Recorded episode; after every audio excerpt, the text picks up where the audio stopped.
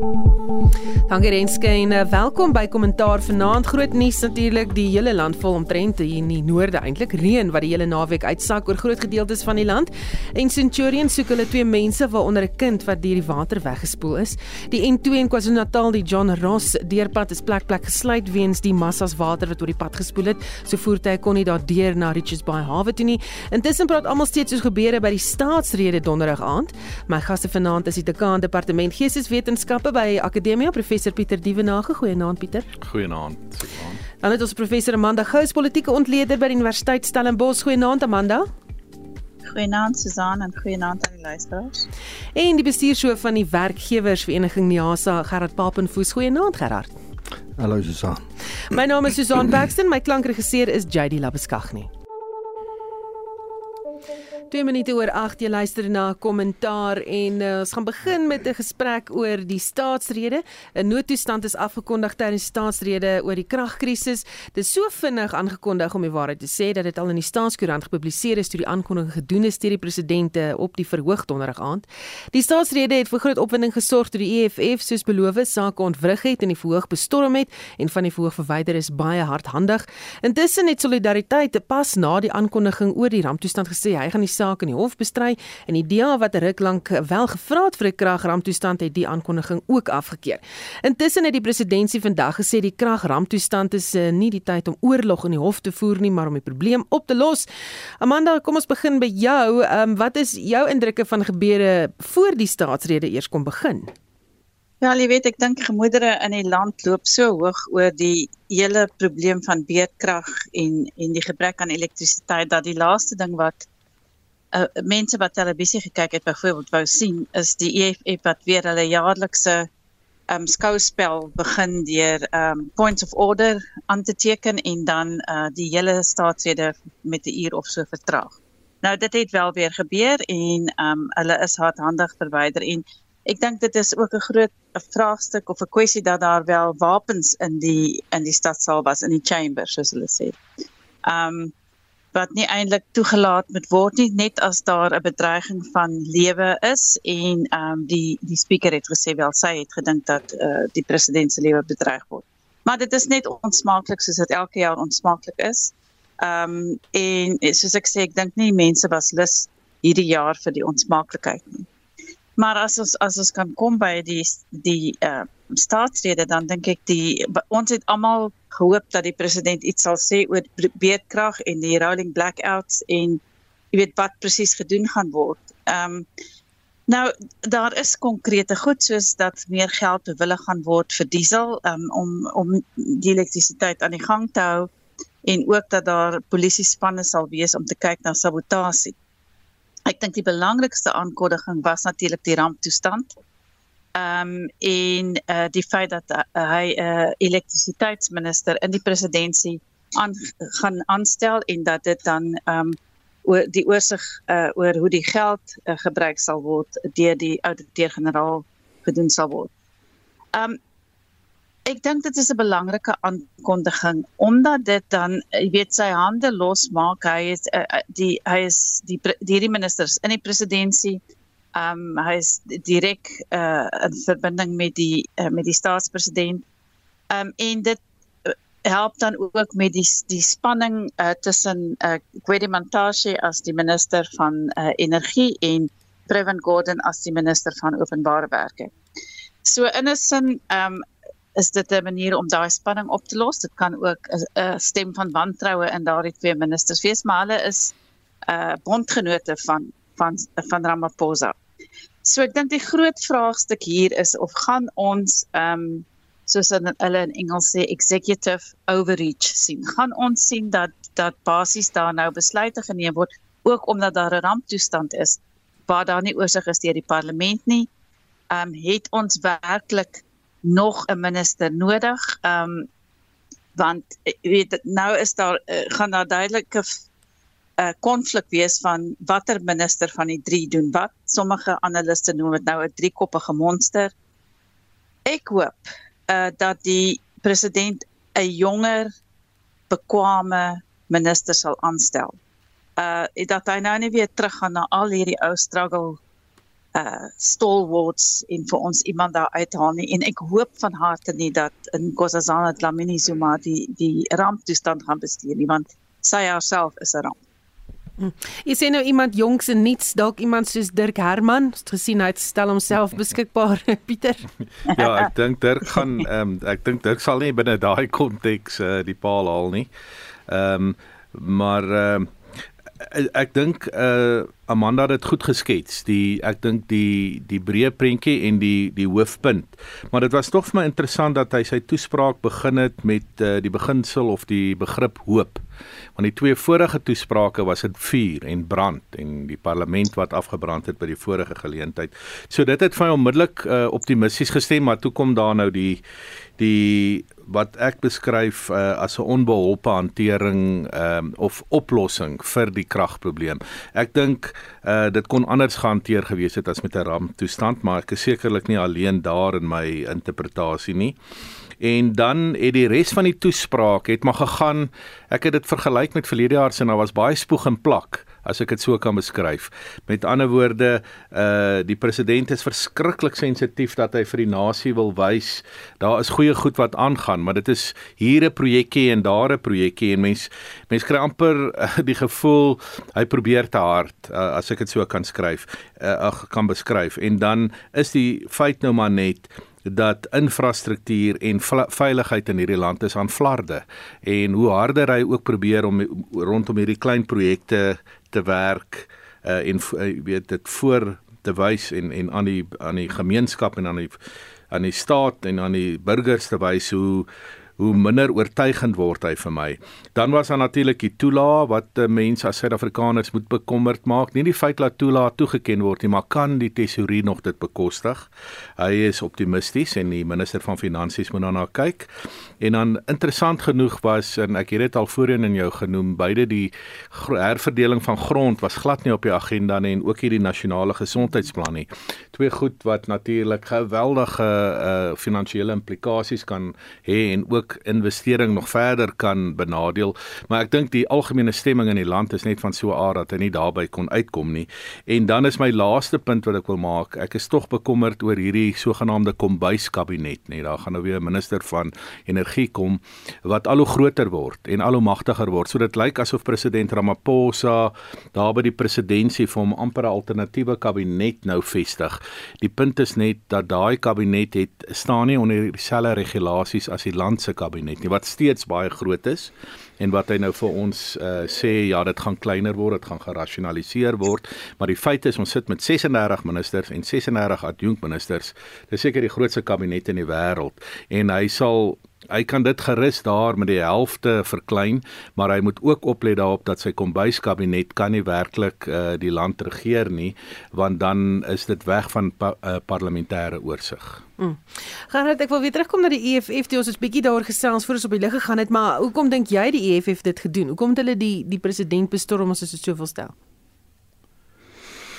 Ja, ek ek wil twee goed sê rondom die EFF uh en wat hulle gedoen het. Uh die eerste deel uh, het uh uh was die frustrasie daaroor dat die spreker nie hierdie ding hanteer nie. Jy hoef sekerlik nie 'n ou 10 keer te waarsku nie. Jy weet dit kom. Jy weet as jy vir hulle sê hulle moet ophou met hulle points of order, hulle gaan nie stop nie.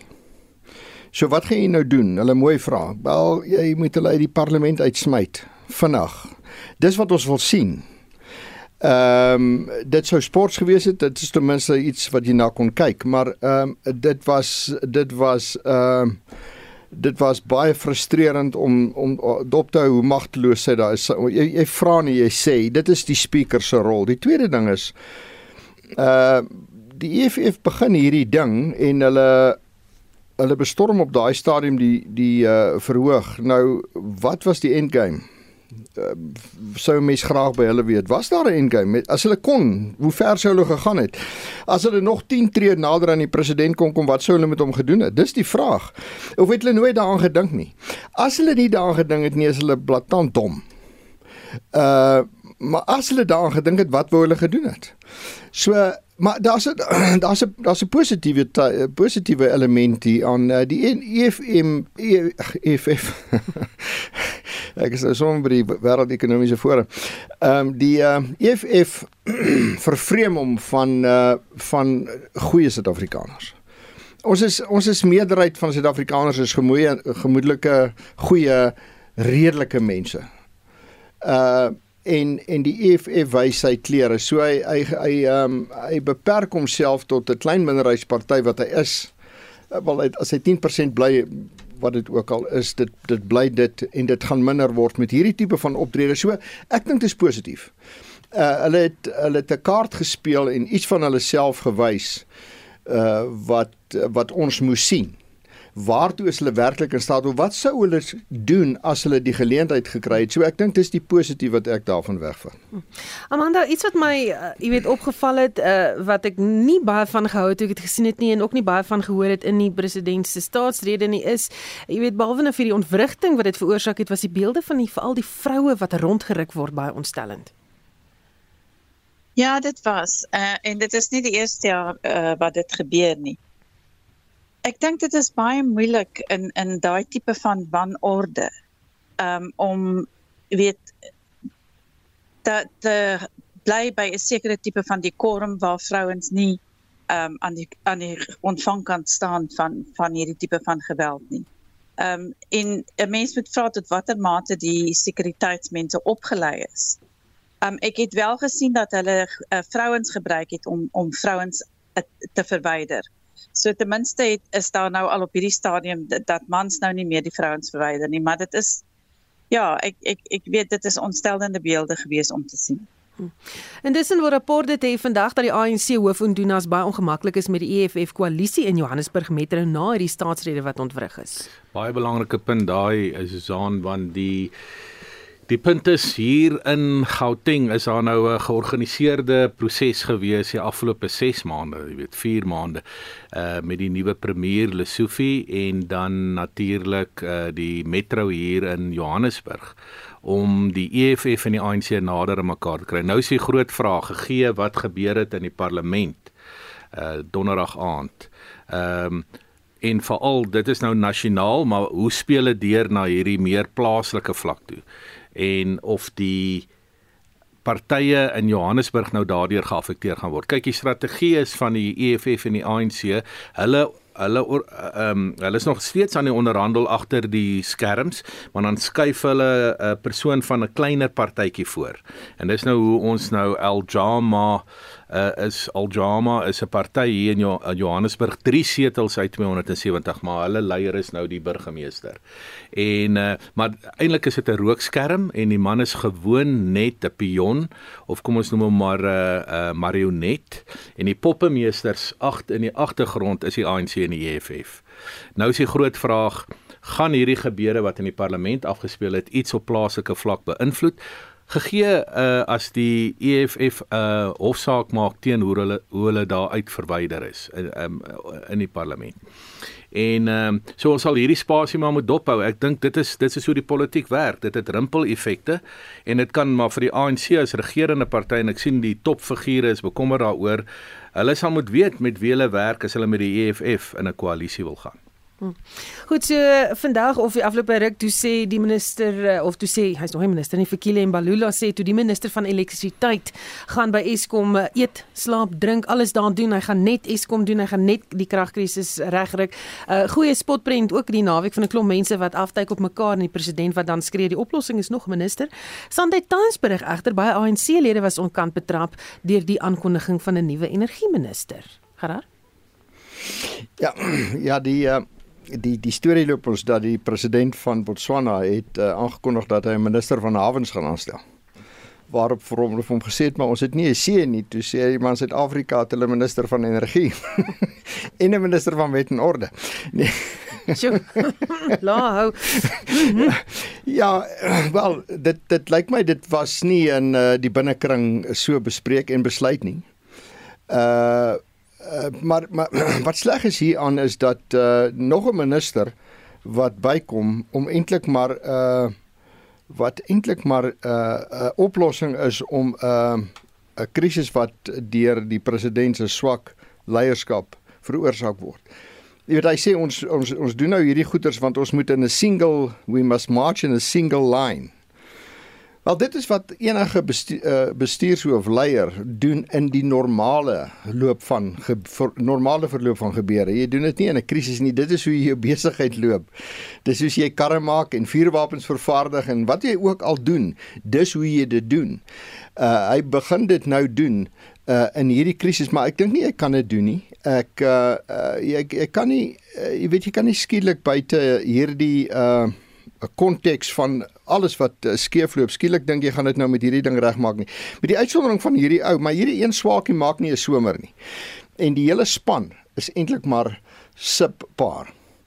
En uh hy gaan ook nie 'n verskil maak nie. En intendeel dit kan moeiliker word want onthou hy kan nie sonder sy ministers van hy kan sonder die ministers van mineraal en energie sake en uh uh Pravin Gordhan in uh, in Pravin Gordhan uh, uh in in Gweniemand as hy kan niks eintlik sonder hulle doen nie. So hy het hulle samewerking nodig en en hulle kan hom ook sink. So ek dink dit is 'n bietjie van 'n hulpelose poging. Uh Gwenny Mantassi is eintlik maar net 'n uh, operasie, operasionele bestuurder en so wil hy sê dit ook. Uh hy's hy's hy's eintlik maar hy sê hulle praat hom eintlik af onmiddellik. Hy is 'n uh, hy is uh, hy's 'n uh, operasionele bestuurder. Nou ons weet 'n operasionele bestuurder het daai rol, maar in 'n besigheid waar hy nie die samewerking van die lot om hom het nie, is magteloos. Hy's nie die baas nie, hy hy koördineer net. En uh so jy het nog 'n uh, ou nodig soos die president wat sterk besluite moet neem en ek weet nie of hy kan nie. Hy kon nog nooit nie. Uh die Eskom krisis is die kan mes direk voor sy deur lê en hy is nog steeds daar. So hy probeer in hierdie ding uh om uit hierdie ding uitkry deur hierdie ou aan te stel, maar ek weet nie of dit net 'n kwessie van tyd speel vir tyd is nie. En en net die aandag bietjie af uh, wegkry. Hier is nog 'n oplossing wat dan uitspeel as nie 'n oplossing nie. En nasie is ook ongeduldig. Hulle wil graag weet wie dit gaan wees, soos ek vroeër genoem het. Dirk Herman van Solidariteit het hom dan nou beskikbaar gestel vir die pos van energieminister. Hy het 'n uh, klomp dinge gesê wat hy gaan doen, uh, dinge uit die wegruim sake, maar hy hy, hy gee 'n rede en 'n manier hoe dit gedoen kan word.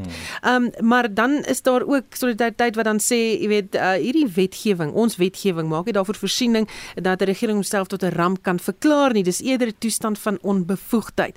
Amanda Ja, wel ek meen ons kan hierdie hele ramp as ons dit so wil noem, is 'n mensgemaakte ramp. Ons kan dit voor die deur van die ANC lê. Ehm um, jy weet ek en ek dink die die groot probleem is die ANC vat nie van hulle is nie verantwoordbaar vir hierdie ehm um, hierdie situasie nie want hulle is die hele tyd besig om iemand anders te beskuldig. Dan is dit die Eskom raad, dan is dit Andre de Ruyter. Dan is dit saboteurs, maar die die groot probleem hier is ehm um, dat dit 'n uh, uh, hierdie situasie het begin met die staatskaping onder Zuma en die die ehm um, uh staatsentiteite soos Eskom en Transnet en so aan. Ehm um, was die eerstes wat jy weet blootgestel is aan aan die kaping en ehm um, die netwerke van uh die die patronaatnetwerke binne Eskom en die georganiseerde misdaad binne Eskom is nou so diep en so wyd dat dit verskriklik moeilik is om dit uit te roei. Ehm um, so so dit is nie net 'n probleem met die infrastruktuur wat krummel en te oud is en nie onderhou is nie en dat daar nie genoeg opwekkers is nie, maar jy het ook met korrupsie en misdaad te doen. En dit alles is is definitief die ANC se skuld. So jy weet ek dink dit is die probleem is dat uh, die die oplossings moet nou so veelvuldig wees. Uh dit daar's nie net een oplossing nie en jy moet weet wie jy kan vertrou. Uh en ek is nie seker dat ehm um, Ramaphosa as president, jy weet, hy het sy die die uh sy vertrouelinge, maar hy het ook net soveel vertrouelinge en daar is die hele tyd mense wat besig is om hom in die rig te steek. So dit maak dit alles net baie moeilik. Uh, Pieter aan die einde van die staatsrede het Ramaphosa gevra, "Weet julle hoekom doen ek hierdie werk?" En die skrywer Barney uh, Barney Matomboti het in die Sunday Times antwoord gegee en gesê, "Nee meneer president, ons weet ook nie hoekom doen jy hierdie werk nie." Maar is daar iets snaaks in die feit dat hy enigiets dit sou noem? Ja, hy wou daar aan die einde van sy toespraak dink ek uh, vir die nasie sê, maar weet hierdie is nie 'n maklike werk nie en ek doen my bes, maar ek dink hy is so gekompromiteer deur deur die party wat hy lei, net die regering van die dag. Ehm um, ons kan mekaar nou lank hier besig hou en ons kan donker prentjies skets en dit is korrek en dit is presies hoe dit is. Uh en mekaar eintlik ehm um, so bietjie in 'n uh ja, in 'n ek wil nie die woord depressie gebruik nie, maar mens kan dit seker gebruik in daai rigting inpraat. 'n donker gat absoluut Amanda. En uh maar maar vir my is die kern van die saak mens moet ook 'n bietjie uh, kyk waar lê die waar lê die werklike oorsake van hierdie probleme en hoe word dit aangespreek. En en ek dink ons is nou in daai gesprek besig. En ons vir my is dit net duidelik omdat 'n mens hier met 'n regering te doen het, regering van die dag wat ongelukkig die hele staat verpolitiseer het. Met ander woorde, mens kan nie daai behoorlike onderskeid tussen regering en staat maak nie, waar jy bekwame staatsamptenare het, almal is deel van dieselfde probleem en die enigste lig wat ek sien is die verkiesingsdatum volgende jaar 2024. Dis die enigste hoop wat ek sien dat 'n mens ontslaa raak van 'n regering wat ver oor sy tyd uh, hier tussen ons is wat sigself bewys het as totaal onbekwaam, onbevoeg, uh nie die vermoë het, nie die mense het om 'n middelgrootte redelik gesofistikeerde middelgrootte inkomste land redelik gesofistikeerde toekoms in te lei nie. Ehm um, andersins gaan ek myself ek weet nie of ek van daardeur hierdie program gaan kom ehm um, as mens nou dink aan aan waarmee jy te doen het hier hier nie. En gelukkig het mense in 'n demokrasie die geluk om 'n uh, of die moontlikheid om 'n regering van die dag uit te stem. Of die Suid-Afrikaanse burgers daardie insig het is 'n ander vraag. Dis 'n ander vraag maar dit lê ek op die gewete van elke Suid-Afrikaner vanaand Gerard, ek het 'n eh, klomp mense gehad wat ook nou weer gevra het oor hierdie noodtoestand se regulasies. Soos ons net met die pandemie is daar byvoorbeeld 'n aandklokreël ingestel, mense moes maskers dra. Iemand het selfs gesê, is dit moontlik dat hulle in so 'n tydperk dan miskien diesel kan ransoneer? En jy weet uit 'n werkgewersoogpunt Ja, kyk, ons ons weet nou nie wat uh, uh wat hulle gaan uh doen nie. Wat is die wat die regulasies gaan sê nie. Dit is uh ehm uh, dit is ek, ek bedoel hulle het uh uh hulle het belaglike goeders gedoen met die met die met die COVID situasie. Uh mens hoop nie hulle doen weer belaglike goed nie. Die punt die punt begin by dit dat niks wat hulle nou wil doen volgens hierdie ding nie as jy kyk na as jy kyk na die uh wat wil hulle doen? Do the extent that is necessary for purpose of existing and protecting the public. That's your job. Elke dag. Providing relief to the public. That's your job protecting property dis your job. Uh preventing or combating disruption dis die polisie se werk. Dealing with the destructive nature and other effects of the disaster. So uh um hierdie was nie nodig nie. Jy moet net jou job doen dan word dit nooit gebeur nie.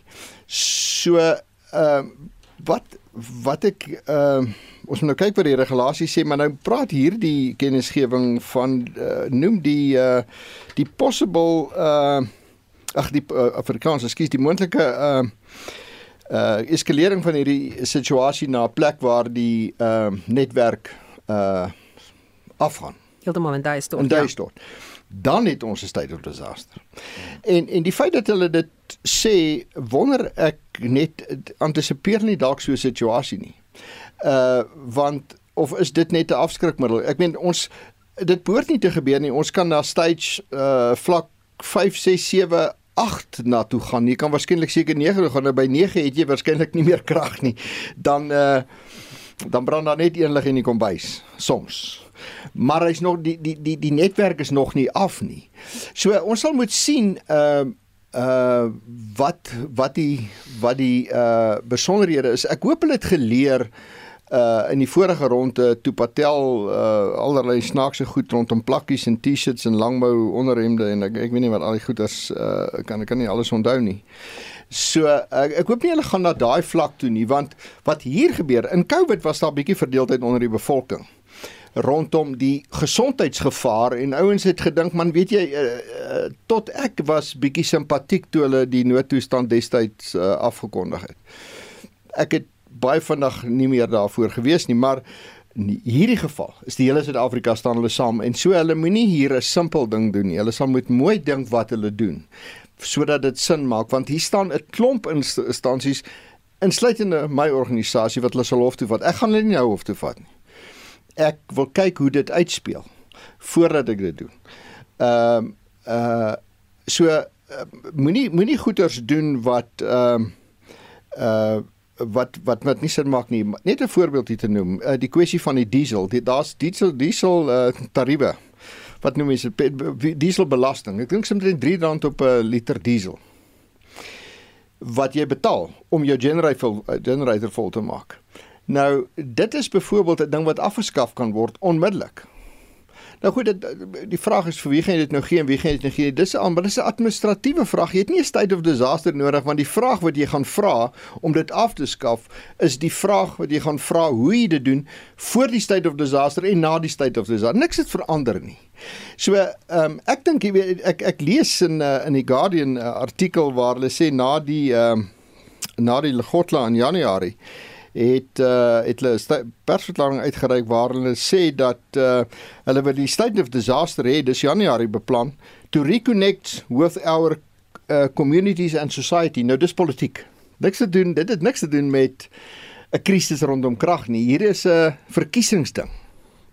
Dis 'n beeldbou ding. Dit is 'n ding van hierdie groot krisis. Nou die ANC beskep hier 'n krisis wat hy self uh ehm um, geskep het en probeer die indruk skep dat Kyk hoe mooi los ons dit op. Jy's die probleem. Jy kan hom nie oplos nie. Jy weet as jy 'n ou in jou besigheid het wat 'n swak presteerder is vir 15 of 20 jaar en en uiteindelik gee jy hom 'n belangrike job, dan moet uh, dan sal jou kollegas vir jou vra maar as daar iets fout met jou. Wil jy nou daai ou die job gee? Hy het mos nou gewys hy kan dit nie doen nie. En die die probleem is met hierdie ouens dat hulle self aangestel om 'n job te doen. So, ehm um, ehm uh, uh nee, ons is ehm um, ons hoef nie hierdie ding te gehad het nie en ek dink nie dis 'n manier om dit op te los nie. Hm. Amanda, ek sien die luisteraars kastei my oor my vraag aan jou oor vroue wat rondgeruk word. Uh net om te kwalifiseer as 'n land wat sukkel met 'n letterlike ander pandemie en dit is geweld teen vroue en kinders. Jy weet, voel dit vir my daar moes, jy weet, opgetree gewees het voordat dit op 'n punt gekom het waar ons mense rondruk vir al vroue en kinders want dis ook beelde wat ek weet gebeeldsend is reg oor die wêreld hoe ons ons eie mense rondruk. Ja, ek stem saam met jou Susan. Ek meen ek dink miskien is die mense wat jou nou kastei sê maar hulle daarvoor gesoek. Die die die probleem is dat jy 'n wanordelike situasie daar gehad, maar en jy's reg, daar moes voor die tyd besluit gewees het hoe hierdie goed hanteer moet word. Ehm um, dit dit was wanordelik en ehm um, ja, so jy weet en die en die punt is was dit 'n bedreiging vir die president se lewe so dan moes baie vinnig opgetree word en dan word almal oor dieselfde kam geskeer of hulle nou mans of vrouens is. Uh en en ja, so ek weet nie, jy weet, ek dink dis is iets wat daaroor daar meer gedink moet word omdat die EFF dit elke jaar doen. Dit is nou nie meer vir ons 'n verrassing. Dit gebeur elke jaar. Hmm. Kom met 'n plan. Goed. Die afgelope week was dit ook die mynbou in Daba en daai het dit duidelik geword dat ja, ons het 'n massiewe kragkrisis, maar dat Transnet blyk net so 'n groot kwessie te wees as wat Eskom is. Die feit dat daar geen spoorlyne is om enige vragte te kan vervoer nie, is vir die industrie 'n probleem terwyl Transnet rondspring om geld te kry want sy finansiële verknorsing is baie groot. Nou Transnet kom toe met die volgende plan vorendag. Hy gaan die N3 korridor, die spoorlyn tussen Gauteng en die Durban hawe op tender aan 'n privaat maatskappy verhuur wat sowat 5.5 miljard miljard rand gaan moet opdok om die spoorlyn in 'n werkende toestand te kry en dan na 20 jaar se gebruik word dit dan teruggegee aan Transnet. Dis privatisering sê baie ekonome iets wat in die regering nog die heeltyd skop. Gerard? Ja, ek uh dit moet uh, in die beginsel rondom dit moes baie lankal uh plaasgevind het. Ek weet nie hoekom hierdie staatsentiteite vasklou aan goed wat ons nou gesien het hulle nie kan doen nie. Uh so ek dink dis dis positief in beginsel. Ek dink egter dat die uh, 20 jaar is te kort.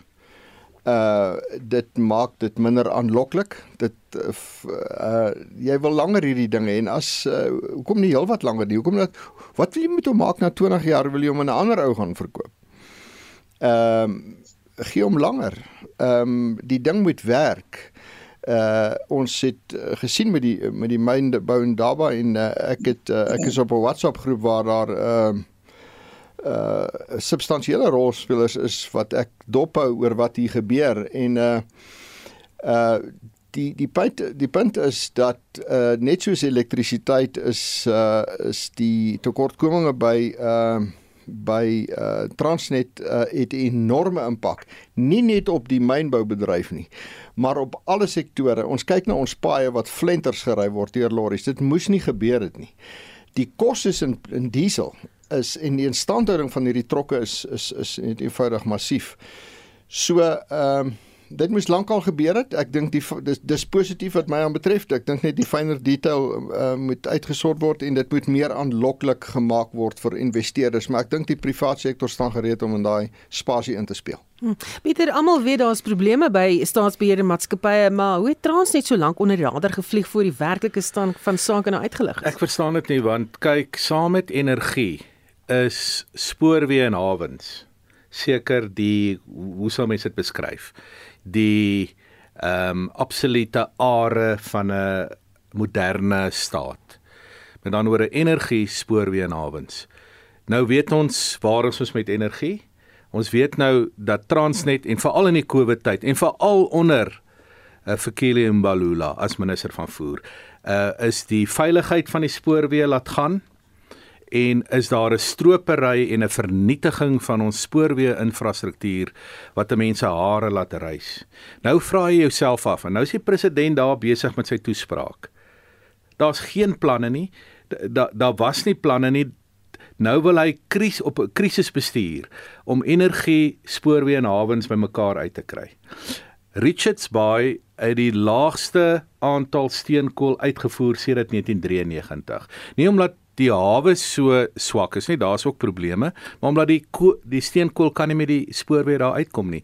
Nou moet vragmotors die werk doen, soos Gerard dit mooi stel. Maar vragmotors het sy eie onkoste en dit is nie 'n haalbare opsie vir 'n moderne staat wat 'n wenland wil word nie. En al daai infrastruktuur was in plek. Dit het onder die ANC absoluut agteruit gegaan. En nou moet al hierdie goed herstel word en dit dit is dit is nie 'n ding wat jy oornag kan herstel nie, want die probleme kom van so ver af. So die mynbou in Daba, jy weet, uh lê ook onder hierdie dinge die want jou minerale moet energie hê om uh, uit die grond uit te bring en jou uh, minerale moet vervoer word per spoorweë en moet deur die hawens uitgaan.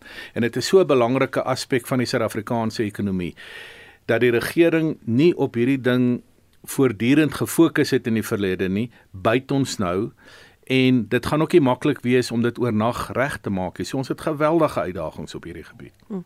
Amanda sien en, en ek, ja.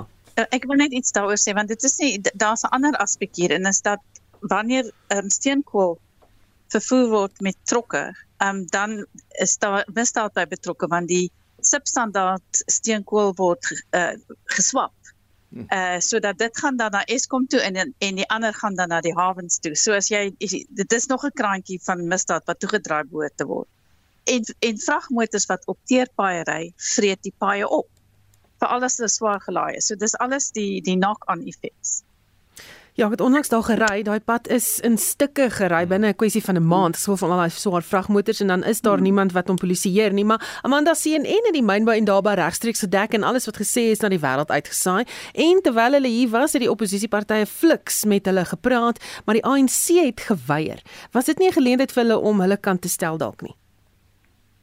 Ja, ek meen dit dit it boggles the mind, um, want ek dink jy weet dit is ook dit gaan ook oor investering en die belang daarvan om om investeerders te trek. So die feit dat die ANC nie, jy weet, nie betrokke was nie is is is is problematies. Um en ek dink ook jy weet dat daar 'n uh, belangrike goed gesê is soos die ons moet be, uh, meer diversifiseer in terme van die minerale wat ons uh, ontgin. Dit moenie net goud wees of of um jy weet ons moet kyk na goed soos lithium en kobalt en koper en so aan. So is weet dis belangrike goed hierdie ehm um, waarby jou regering tog 'n direkte belang het.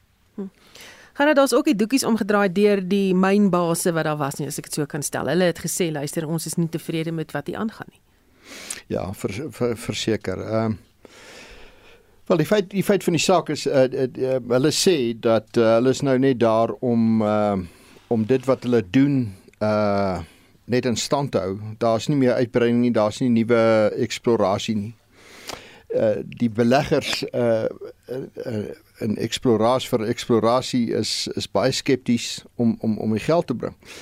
Nou sien ons dat uh, dit kos uh, dit vat 20 tot 30 jaar van van dat die proses van dit uh, van die ondersoeke begin totdat die myn tot stand kom 20 tot 30 jaar. En uh, en ons einde huidige myne begin uh, oorgebruik raak. So uh, dit is 'n ding, jy weet, so dit is 'n krisis wat nou kom uh oor 'n klompie jare uh, wat nou hanteer moet word. Uh die die uitgee van ehm uh, myn lisensies. Jy sien dit is alles goed is wat die regering gebruik en dis tipies in 'n sosialistiese staat om goed by homself te hou na aan die na aan die bors te speel en dit dis goed dat nie kan doen nie. Die staat is die staat is 'n fasiliteerder van die privaat sektor, die die skep van die gelykspeelveld sodat almal kan inspel, die reëls maak soos wat 'n goeie skeieregter doen. Dis die spel, dis die rol van die staat nie uh en ek bedoel met met met ondergrondse bronne natuurlik het die staat 'n bepaalde rol maar hoekom sukkel hulle om die lisensies uit te gee? Dis omdat daar eie belang ter sprake is daar's baantjies vir boeties. Hulle wil kyk hoe dat hulle goed kan manipuleer dat die geld op 'n manier ook na hulle toe terugkom. Uh as as goed bona fide is en jy kyk net na die beste belang van jou land en jou hande is skoon, kan alles vinniger geskied. Dan is daar prosesse wat deurgegaan moet word, die vorm word voltooi, die blokkies word getik, eh, die ondersoeke word gedoen, die natuur en omgewing ondersoeke word gedoen en dan sê jy ons ken dit toe aan die beste ou. Uh maar die oomblik as jy dit wil manipuleer dan vat dit tyd en dit is weens die poging tot manipulasie wat hierdie goed nie kan plaasvind nie. So inderdaad die uh die mynbase het nie het uh het 'n laanskoene afgehaal en ek hoop wel die feit is al die rolspelers daar hulle hoor dit maar dit is tog nie die eerste keer wat hulle dit hoor nie. Hmm. Goed, 'n ander storie wat ook 'n opspraak gemaak het is eh, Suid-Afrika en China en Rusland die militêre oefening op die 1 jaar herdenking van die inval van Oekraïne. Westerse lande word glo al meer onrustig daaroor en betwyfel Suid-Afrika se aanspraak dat hy nie kant kiesie oor nie. Oefening Mossie 2 word wyd beskryf as 'n propaganda oefening vir Rusland. Um, Pieter baie diplomate sê hulle wil anoniem bly. Rusland gaan nou is net hierso om sy wapentuig vir almal te kom wys. Inderdaad en ek sou sê swak tydsberekening absoluut. want uh en is weer 'n geval van die uh van die huidige regering die regering van die dag wat ideologie bo goeie goeie oordeel kies nê nee. 17 Februarie volgende Vrydag as ek dit nie mis het nie dan begin hierdie oefening en die 24ste Februarie is die datum waarop Rusland Oekraïne verlede jaar ingeval het. Dit beteken dat ons hou 'n oefening hier langs ons kus, daar by KwaZulu-Natal se kus saam met China, saam met Rusland op hierdie tydstip. Dis hoekom ek praat van tydsberekening. Dit beteken dat ons soos jy reg gesê het, lyk asof ons kant kies. Hier is nie pogings om nou Oekra te, te bemiddel tussen Oekraïne en Rusland nie. Hier is 'n hier's 'n 'n 'n 'n groot ehm um, uh, vloot uh operasie wat nou gaan plaasvind. En dan moet ek ook net by sê en ek gaan daarby vol staan met ons ou karige vloetjie uh saam met uh 'n uh, redelik deeglike wapentuig van Rusland en China. Um wat wat wen ons in die proses? Ek dink is net 'n verdere teken dat hierdie regering van die dag so uitvoering is met sigself, met die land, met die mense, die stemming en die buitewêreld en ons grootste handelsvennote wat die weste is, dat 'n mens eintlik maar net jou hart kan vashou. Nou ek sien uh, daar's baie mense bekommerd is oor die Zircon missiel wat hulle hierheen bring. Is missiel wat glo nie gestop kan word nie. Hulle gaan vir hom hier tentoonstel iewers uh, met hom oefen. Um en Amanda ons skepe soos wat Pieter gesê het, ou glo nie kers was by Chinese en Russiese vloot nie. So wat is ons bydra tot hierdie oefening? Wat is die nut hiervan? Ja, dis 'n totale ongebalanseerde oefening. Jy weet, ons kan basies maar net ehm um, toe kyk want ja, vloot is is heeltemal te karig. Ehm um, so so met ander woorde dit is alles op 'n uh, simboliese vlak. En en wat dit dan uh, die boodskap wat dit uitstuur is dat ons nie ehm um, dat ons kan kies en ons kies kant saam met Rus, uh, Rusland en China ehm um, in terme van die oorlog uh, met die Oekraïne en nou ja, ek weet jy weet as die as die weste ehm um, ongelukkig is of bekommerd is hieroor, is dit met reg. Jy weet wat is die boodskap dis wat Suid-Afrika stuur is dat ons is ehm um, nie nie uh dat non-aligned nie meer nie. Ehm um, en dat dat dit basies ehm um, nie vir ons saak maak wat die die die gevolge van hierdie oorlog is wat baie baie verrykend is nie. So nou wat kry ons uit hierdie proses? Dit is dink ek die vraag wat gevra moet word. Jy weet wat gee China en Rusland vir ons vir hierdie tentoonstelling van hulle hulle absolute cutting edge uh um wapentuig. Ja, ek dink dis 'n dis 'n vraag wat gevra moet word. Hmm. Glo wil ambassadeurs uh, nie in jy weet die jy weet openbaar iets sê daaroor nie. Hulle wil jy weet privaat gesels met die regering oor hierdie oefening maar glo elke keer as hulle iets sê is die regering baie sensitief daaroor en oor ons verhouding met Rusland en en China en dan nou jy weet hierdie drie partye. Ja. vinnig inkom Amanda voor Gerard weer sy beurt kry. En dit is dat uh, ons by die volgende G20 aan en ons by die, by die volgende BRICS konferensie aan Nou vir al die laaste een, ek wonder uh, of daar nie 'n bietjie of of Rusland en China nie spiere gebild en sê hoor jy julle gaan BRICS aanbied, uh, gee vir ons nou hierdie kans. Mense weet nie presies nie, maar nou bied ons ook die volgende G20 aan 'n uh, konferensie wat ons weet ehm um, eintlik 'n uh, baie belangrike konferensie is en waar ons groot groot handelsvennote ook is. So wie ook al oor hierdie dinge beslis het, het nie goed gaan dink presies hoe kan jy tussen al hierdie belangrike dinge deur navigeer nie. Hm, kan dit? Ja, kyk as jy as jy wil sê ek is non-aligned, dis goed. Ek ek ek dink dit is uh, dit sou wys wees uh wel dit was wys. Ek het ook daarmee saamgestem. Ek het ook met uh, Naledo Pandor saamgestem wat sy vir die FSA gesê het moet my nie in 'n blik druk nie. Maar nou gaan jy en jy doen dit. Wel, dit eh, dit gaan teen alles wat jy gesê het. So uh, nou is die vraag, Amanda vra. Nou wat kry ons daar uit? Nee, ons kry niks nie Amanda, maar die vraag is wat kry hulle daar uit? uh, nee, ons kry niks daar uit nie. Ehm um, ek sou graag wil sien hoe ons skip vaar daarso uh, in daai oefening. Ek is uh, môre in Durban en ons, dan bly kan nie dan gaan nie. Ek gaan kyk of ek van daar af kan sien of ek uh, iets kan sien. Maar uh, nee, ek bote wat nog nooit uit die hawe uit was ja, nie. Ja, nee, ek wil ek wil sien hoe dit gebeur. So nee, ek dink dit is alles simbolies. Jy is heeltemal reg, maar ek dink dit dit uh, wat wil jy kommunikeer? Uh, daar is baie op die spel. Daar's handelsvennootskappe en ons ons met handel dryf. So as jy wil non-aligned wees, staan sterk daarop en dan moet jy ook vir die ander partners sê, ander potensiële vennote, nee, ek gaan nie dit doen nie. Dit is wys. Maar ek dink nie dit is uh dis 'n woord wat ou noodwendig uh met hulle moet assosieer nie. Goed, ons gaan nog na ander buitelandse nuus en dit is in Sirië en Turkye soek reddingswerkers onverpoos na mense wat in die puin vasgekeer is na die groot aardbewings wat die lande getref het.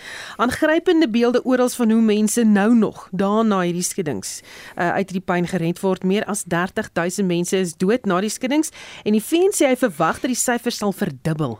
Intussen is 113 lasbriewe uitgereik vir mense in Turkye weens die swak konstruksiewerk wat gelei het tot die massiewe skade en lewensverlies weens die aardbewings.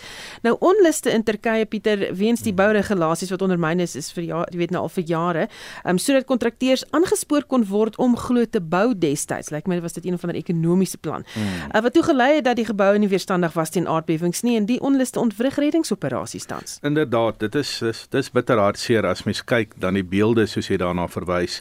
Geweldige lyding, jy weet, uh, 30000 mense in Turkye dood en 3000 in Sirië en ons weet wat 'n situasie Sirië op die oomblik is. So hulpverlenings uh operasies daar is baie moeilik. Uh 30000 in Turkye nou sê reg, uh die uh, die die regering van president Erdogan is in 'n moeilikheid want hulle wil nou hulle moet skade beheer want hy het binnekort 'n verkiesing en hy probeer altyd die kragman wees en die ou wat Turkye absoluut uh uh, uh jy weet ter wille is en alles en hier kom dit nou duidelik uit dat uh, hierdie geboue is nie volgens die die regulasies gebou wat 'n mens by 'n aardbewing sou verwag nie. Mens weet die voorste land in die opsig is Japan.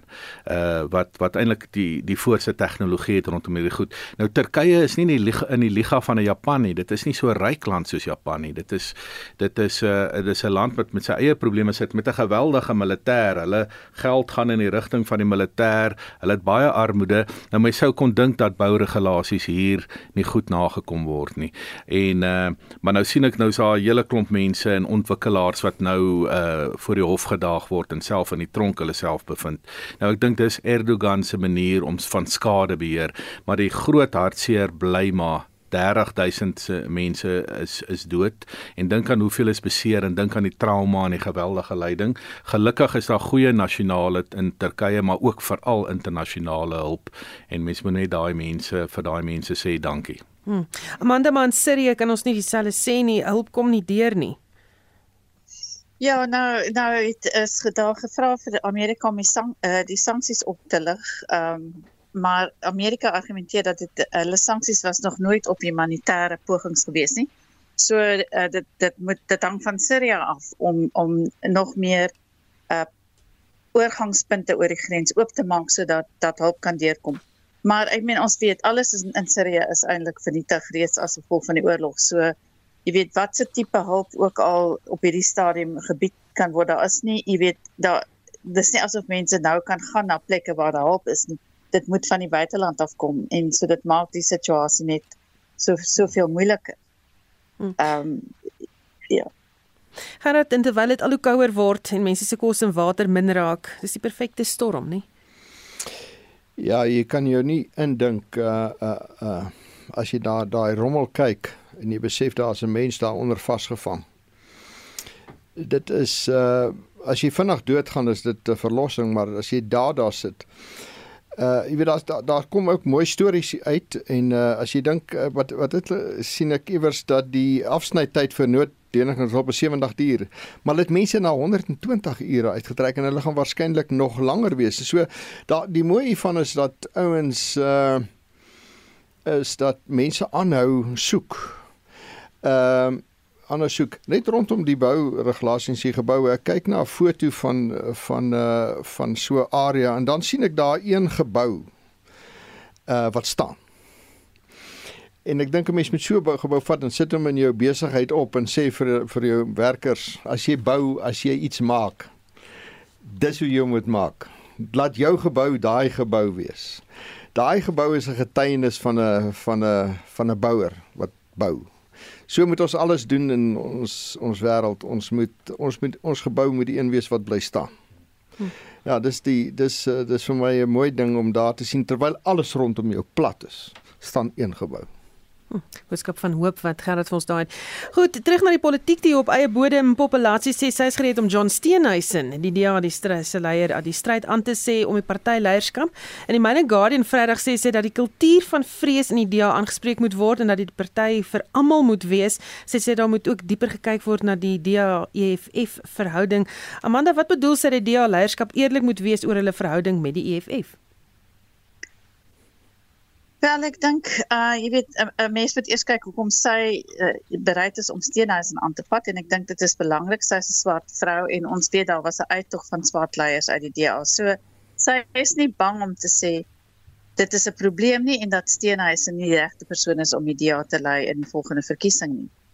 Uh wat betref hulle verhouding met die met die EFF van oor die koalisies op op plaaslike vlak. Um En eh, jy weet ek dink dit is die probleem van enige iemand wat in 'n in 'n koalisie met die met die EFF ingaan is dat jy kan nooit seker wees of die EFF nie op een of ander stadium gaan uitklim nie soos wat hulle nou jy weet hulle besluit in in die van hierdie metros hulle gaan eerder uh, in die koalisie saam met met die ANC en dan uh, kry hulle 'n kleiner party uh, om om byvoorbeeld die burgers bur, uh, burgemeester posisie in te neem.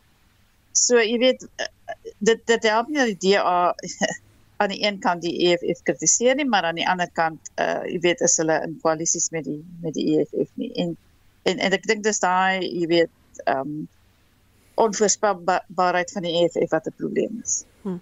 Dan sê sy ook dat die party nie behoorlike teenwoordigheid in die platteland het nie en onder swart gemeenskappe nie is 'n ernstige beskuldiging Pieter. Ja nee, dit is ehm um, dit is ons weet wat die probleme van die DA is, maar ek wonder dan net oor haar tydsberekening want sy moet eintlik Johannesburg nou weer terugbring na die DA. Sy moet daar nou fokus op sou ek sê, uh daar's nou 'n geleentheid want op nasionale vlak is daar hoog hoë spanning tussen die ANC en die EFF en wat gaan nou gebeur in die metro? Sy het eintlik nou 'n geleentheid en as sy 'n sukses daarvan maak, sou ek sê, dan kan sy aspireer vir die partyleiding.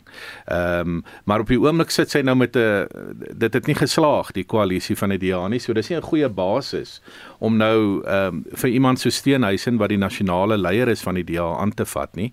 Ehm um, hy het sy goeie punte en hy het ook sy minder goeie punte en natuurlik in enige demokratiese politiek ehm uh, moet uh leiers die heeltyd op die punte van hulle tone wees. Dit is goeie demokratiese politiek, maar ek dink is bietjie voortydig van haar. Sy moet haar eers nou bepaal by die stadspolitiek van Johannesburg, die metro en dan moet sy haar skuwe maak as sy 'n goeie rekord het uh van sukses. Ek dink die DA is baie party wat werk rondom het jy in jou vorige posisie daarom gepresteer uh voordat jy na die volgende vlak toe gaan. Dis is hoe ek die dinge sien. Ehm um, Gerard sê ook Steenhuisen is nie die regte leier in hierdie seisoen van die land se politiek nie. Eh, dan sê sy daardeur sy is.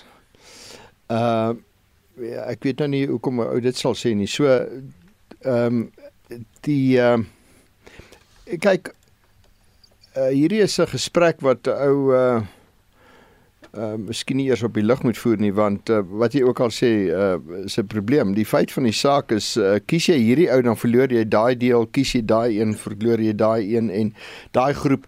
Dit is 'n moeilike ding. Uh uh so uh daar is sekere persone wat sekere bevoorbehoudde sal hê as hy die leier sou wees en daar is sekerlik ouens wat uh met voorbehoudde vir vir Steenhuis en so maar maar dit is die spel wat hierdie ouens in is en dit it comes with the territory. So ehm um, Ja, ek ek ek stem ek stem saam Pieter dat uh, sy baie kort uh, was sy in daai uh, uh, werk en om van daar af uh, uit te stap en dan te sê, weet jy wat, ek dink ek wil my vir nasionale leierskap beskikbaar stel. Ehm um, ek het eintlik nie van haar geweet voordat sy burgemeester van uh van Johannesburg geword het nie, maar dit is ook nie dat ek alles weet nie. Uh maar ehm um, dit is ek stem saam met Pieter is voortydig. Ek dink as jy jouself wil verkiesbaar stel as 'n leier vir 'n party moet jy kom met 'n baie met 'n rekord. En uh ek ek weet nie daarvan dat sy dit het nie. So ek dink uh, ek dink dit dit lyk vir my dat ouens wat burgemeester van Johannesburg word, uh hulle self uh tot roep tot nasionale leierskap. Uh dis net 'n dorp en weliswaar 'n groot dorp. En as jy daarvan 'n sukses maak, dan maak dit jou sekerlik aanloklik om die land 'n rol te speel, maar dan moet jy eers daarvan 'n sukses maak. Ja, ehm um, Susan, ek uh, ek stem saam daar. Ehm um, soos ek maar gesê het, dit is 'n uh, is 'n kwessie van jy moet jou bewys in die politiek ook. Jy kan nie net van uh jy weet dink ek het die regte ehm um, soort van ehm um, ek lyk reg nie en nou gaan ek vir 'n groot pos nie. Politiek is 'n is 'n is 'n harde spel. en jy moet jy moet weet waarvoor jy inlaat as jy vir leierskap aspireer in enige party. Maar ek weet sy sy is twee keer ontroon as die burgemeester van Johannesburg, nie net een keer ja, nie. Ja, dis reg almal. En dit is nie haar skuld nie. Mm, ja, dit is die dit is die ja. koalisie politiek. So ja. jy weet ek dink ek ek stem saam. Ek dink dat sy is net uh, is sy het nog nie 'n lank genoeg trek rekord nie. Maar mense kan ook nie verwag van mense om vir jare te sit in die koalisie ondermyn jou die hele tyd en and you're going nowhere slowly. So jy weet ek ek bewonder haar vir die feit dat dit 'n swart vrou is wat sê I'm here and I'm ready to lead. Um, of dit nou jy weet uh, in terme van haar trek rekord iets beteken, bewonder ek haar nog steeds vir die feit dat sy vir Steenhuisen aanvat. Want ek dink jy weet daar is so 'n lang geskiedenis van swart mense wat net eenvoudig uit die party uit wegloop. Ja. Goed, ek wil net terugvat na ons begin storie en dis natuurlik oor die staatsrede en die noodtoestand kragkrisis uh, weet wat aangekondig is. Hendrik het 'n baie belangrike vraag.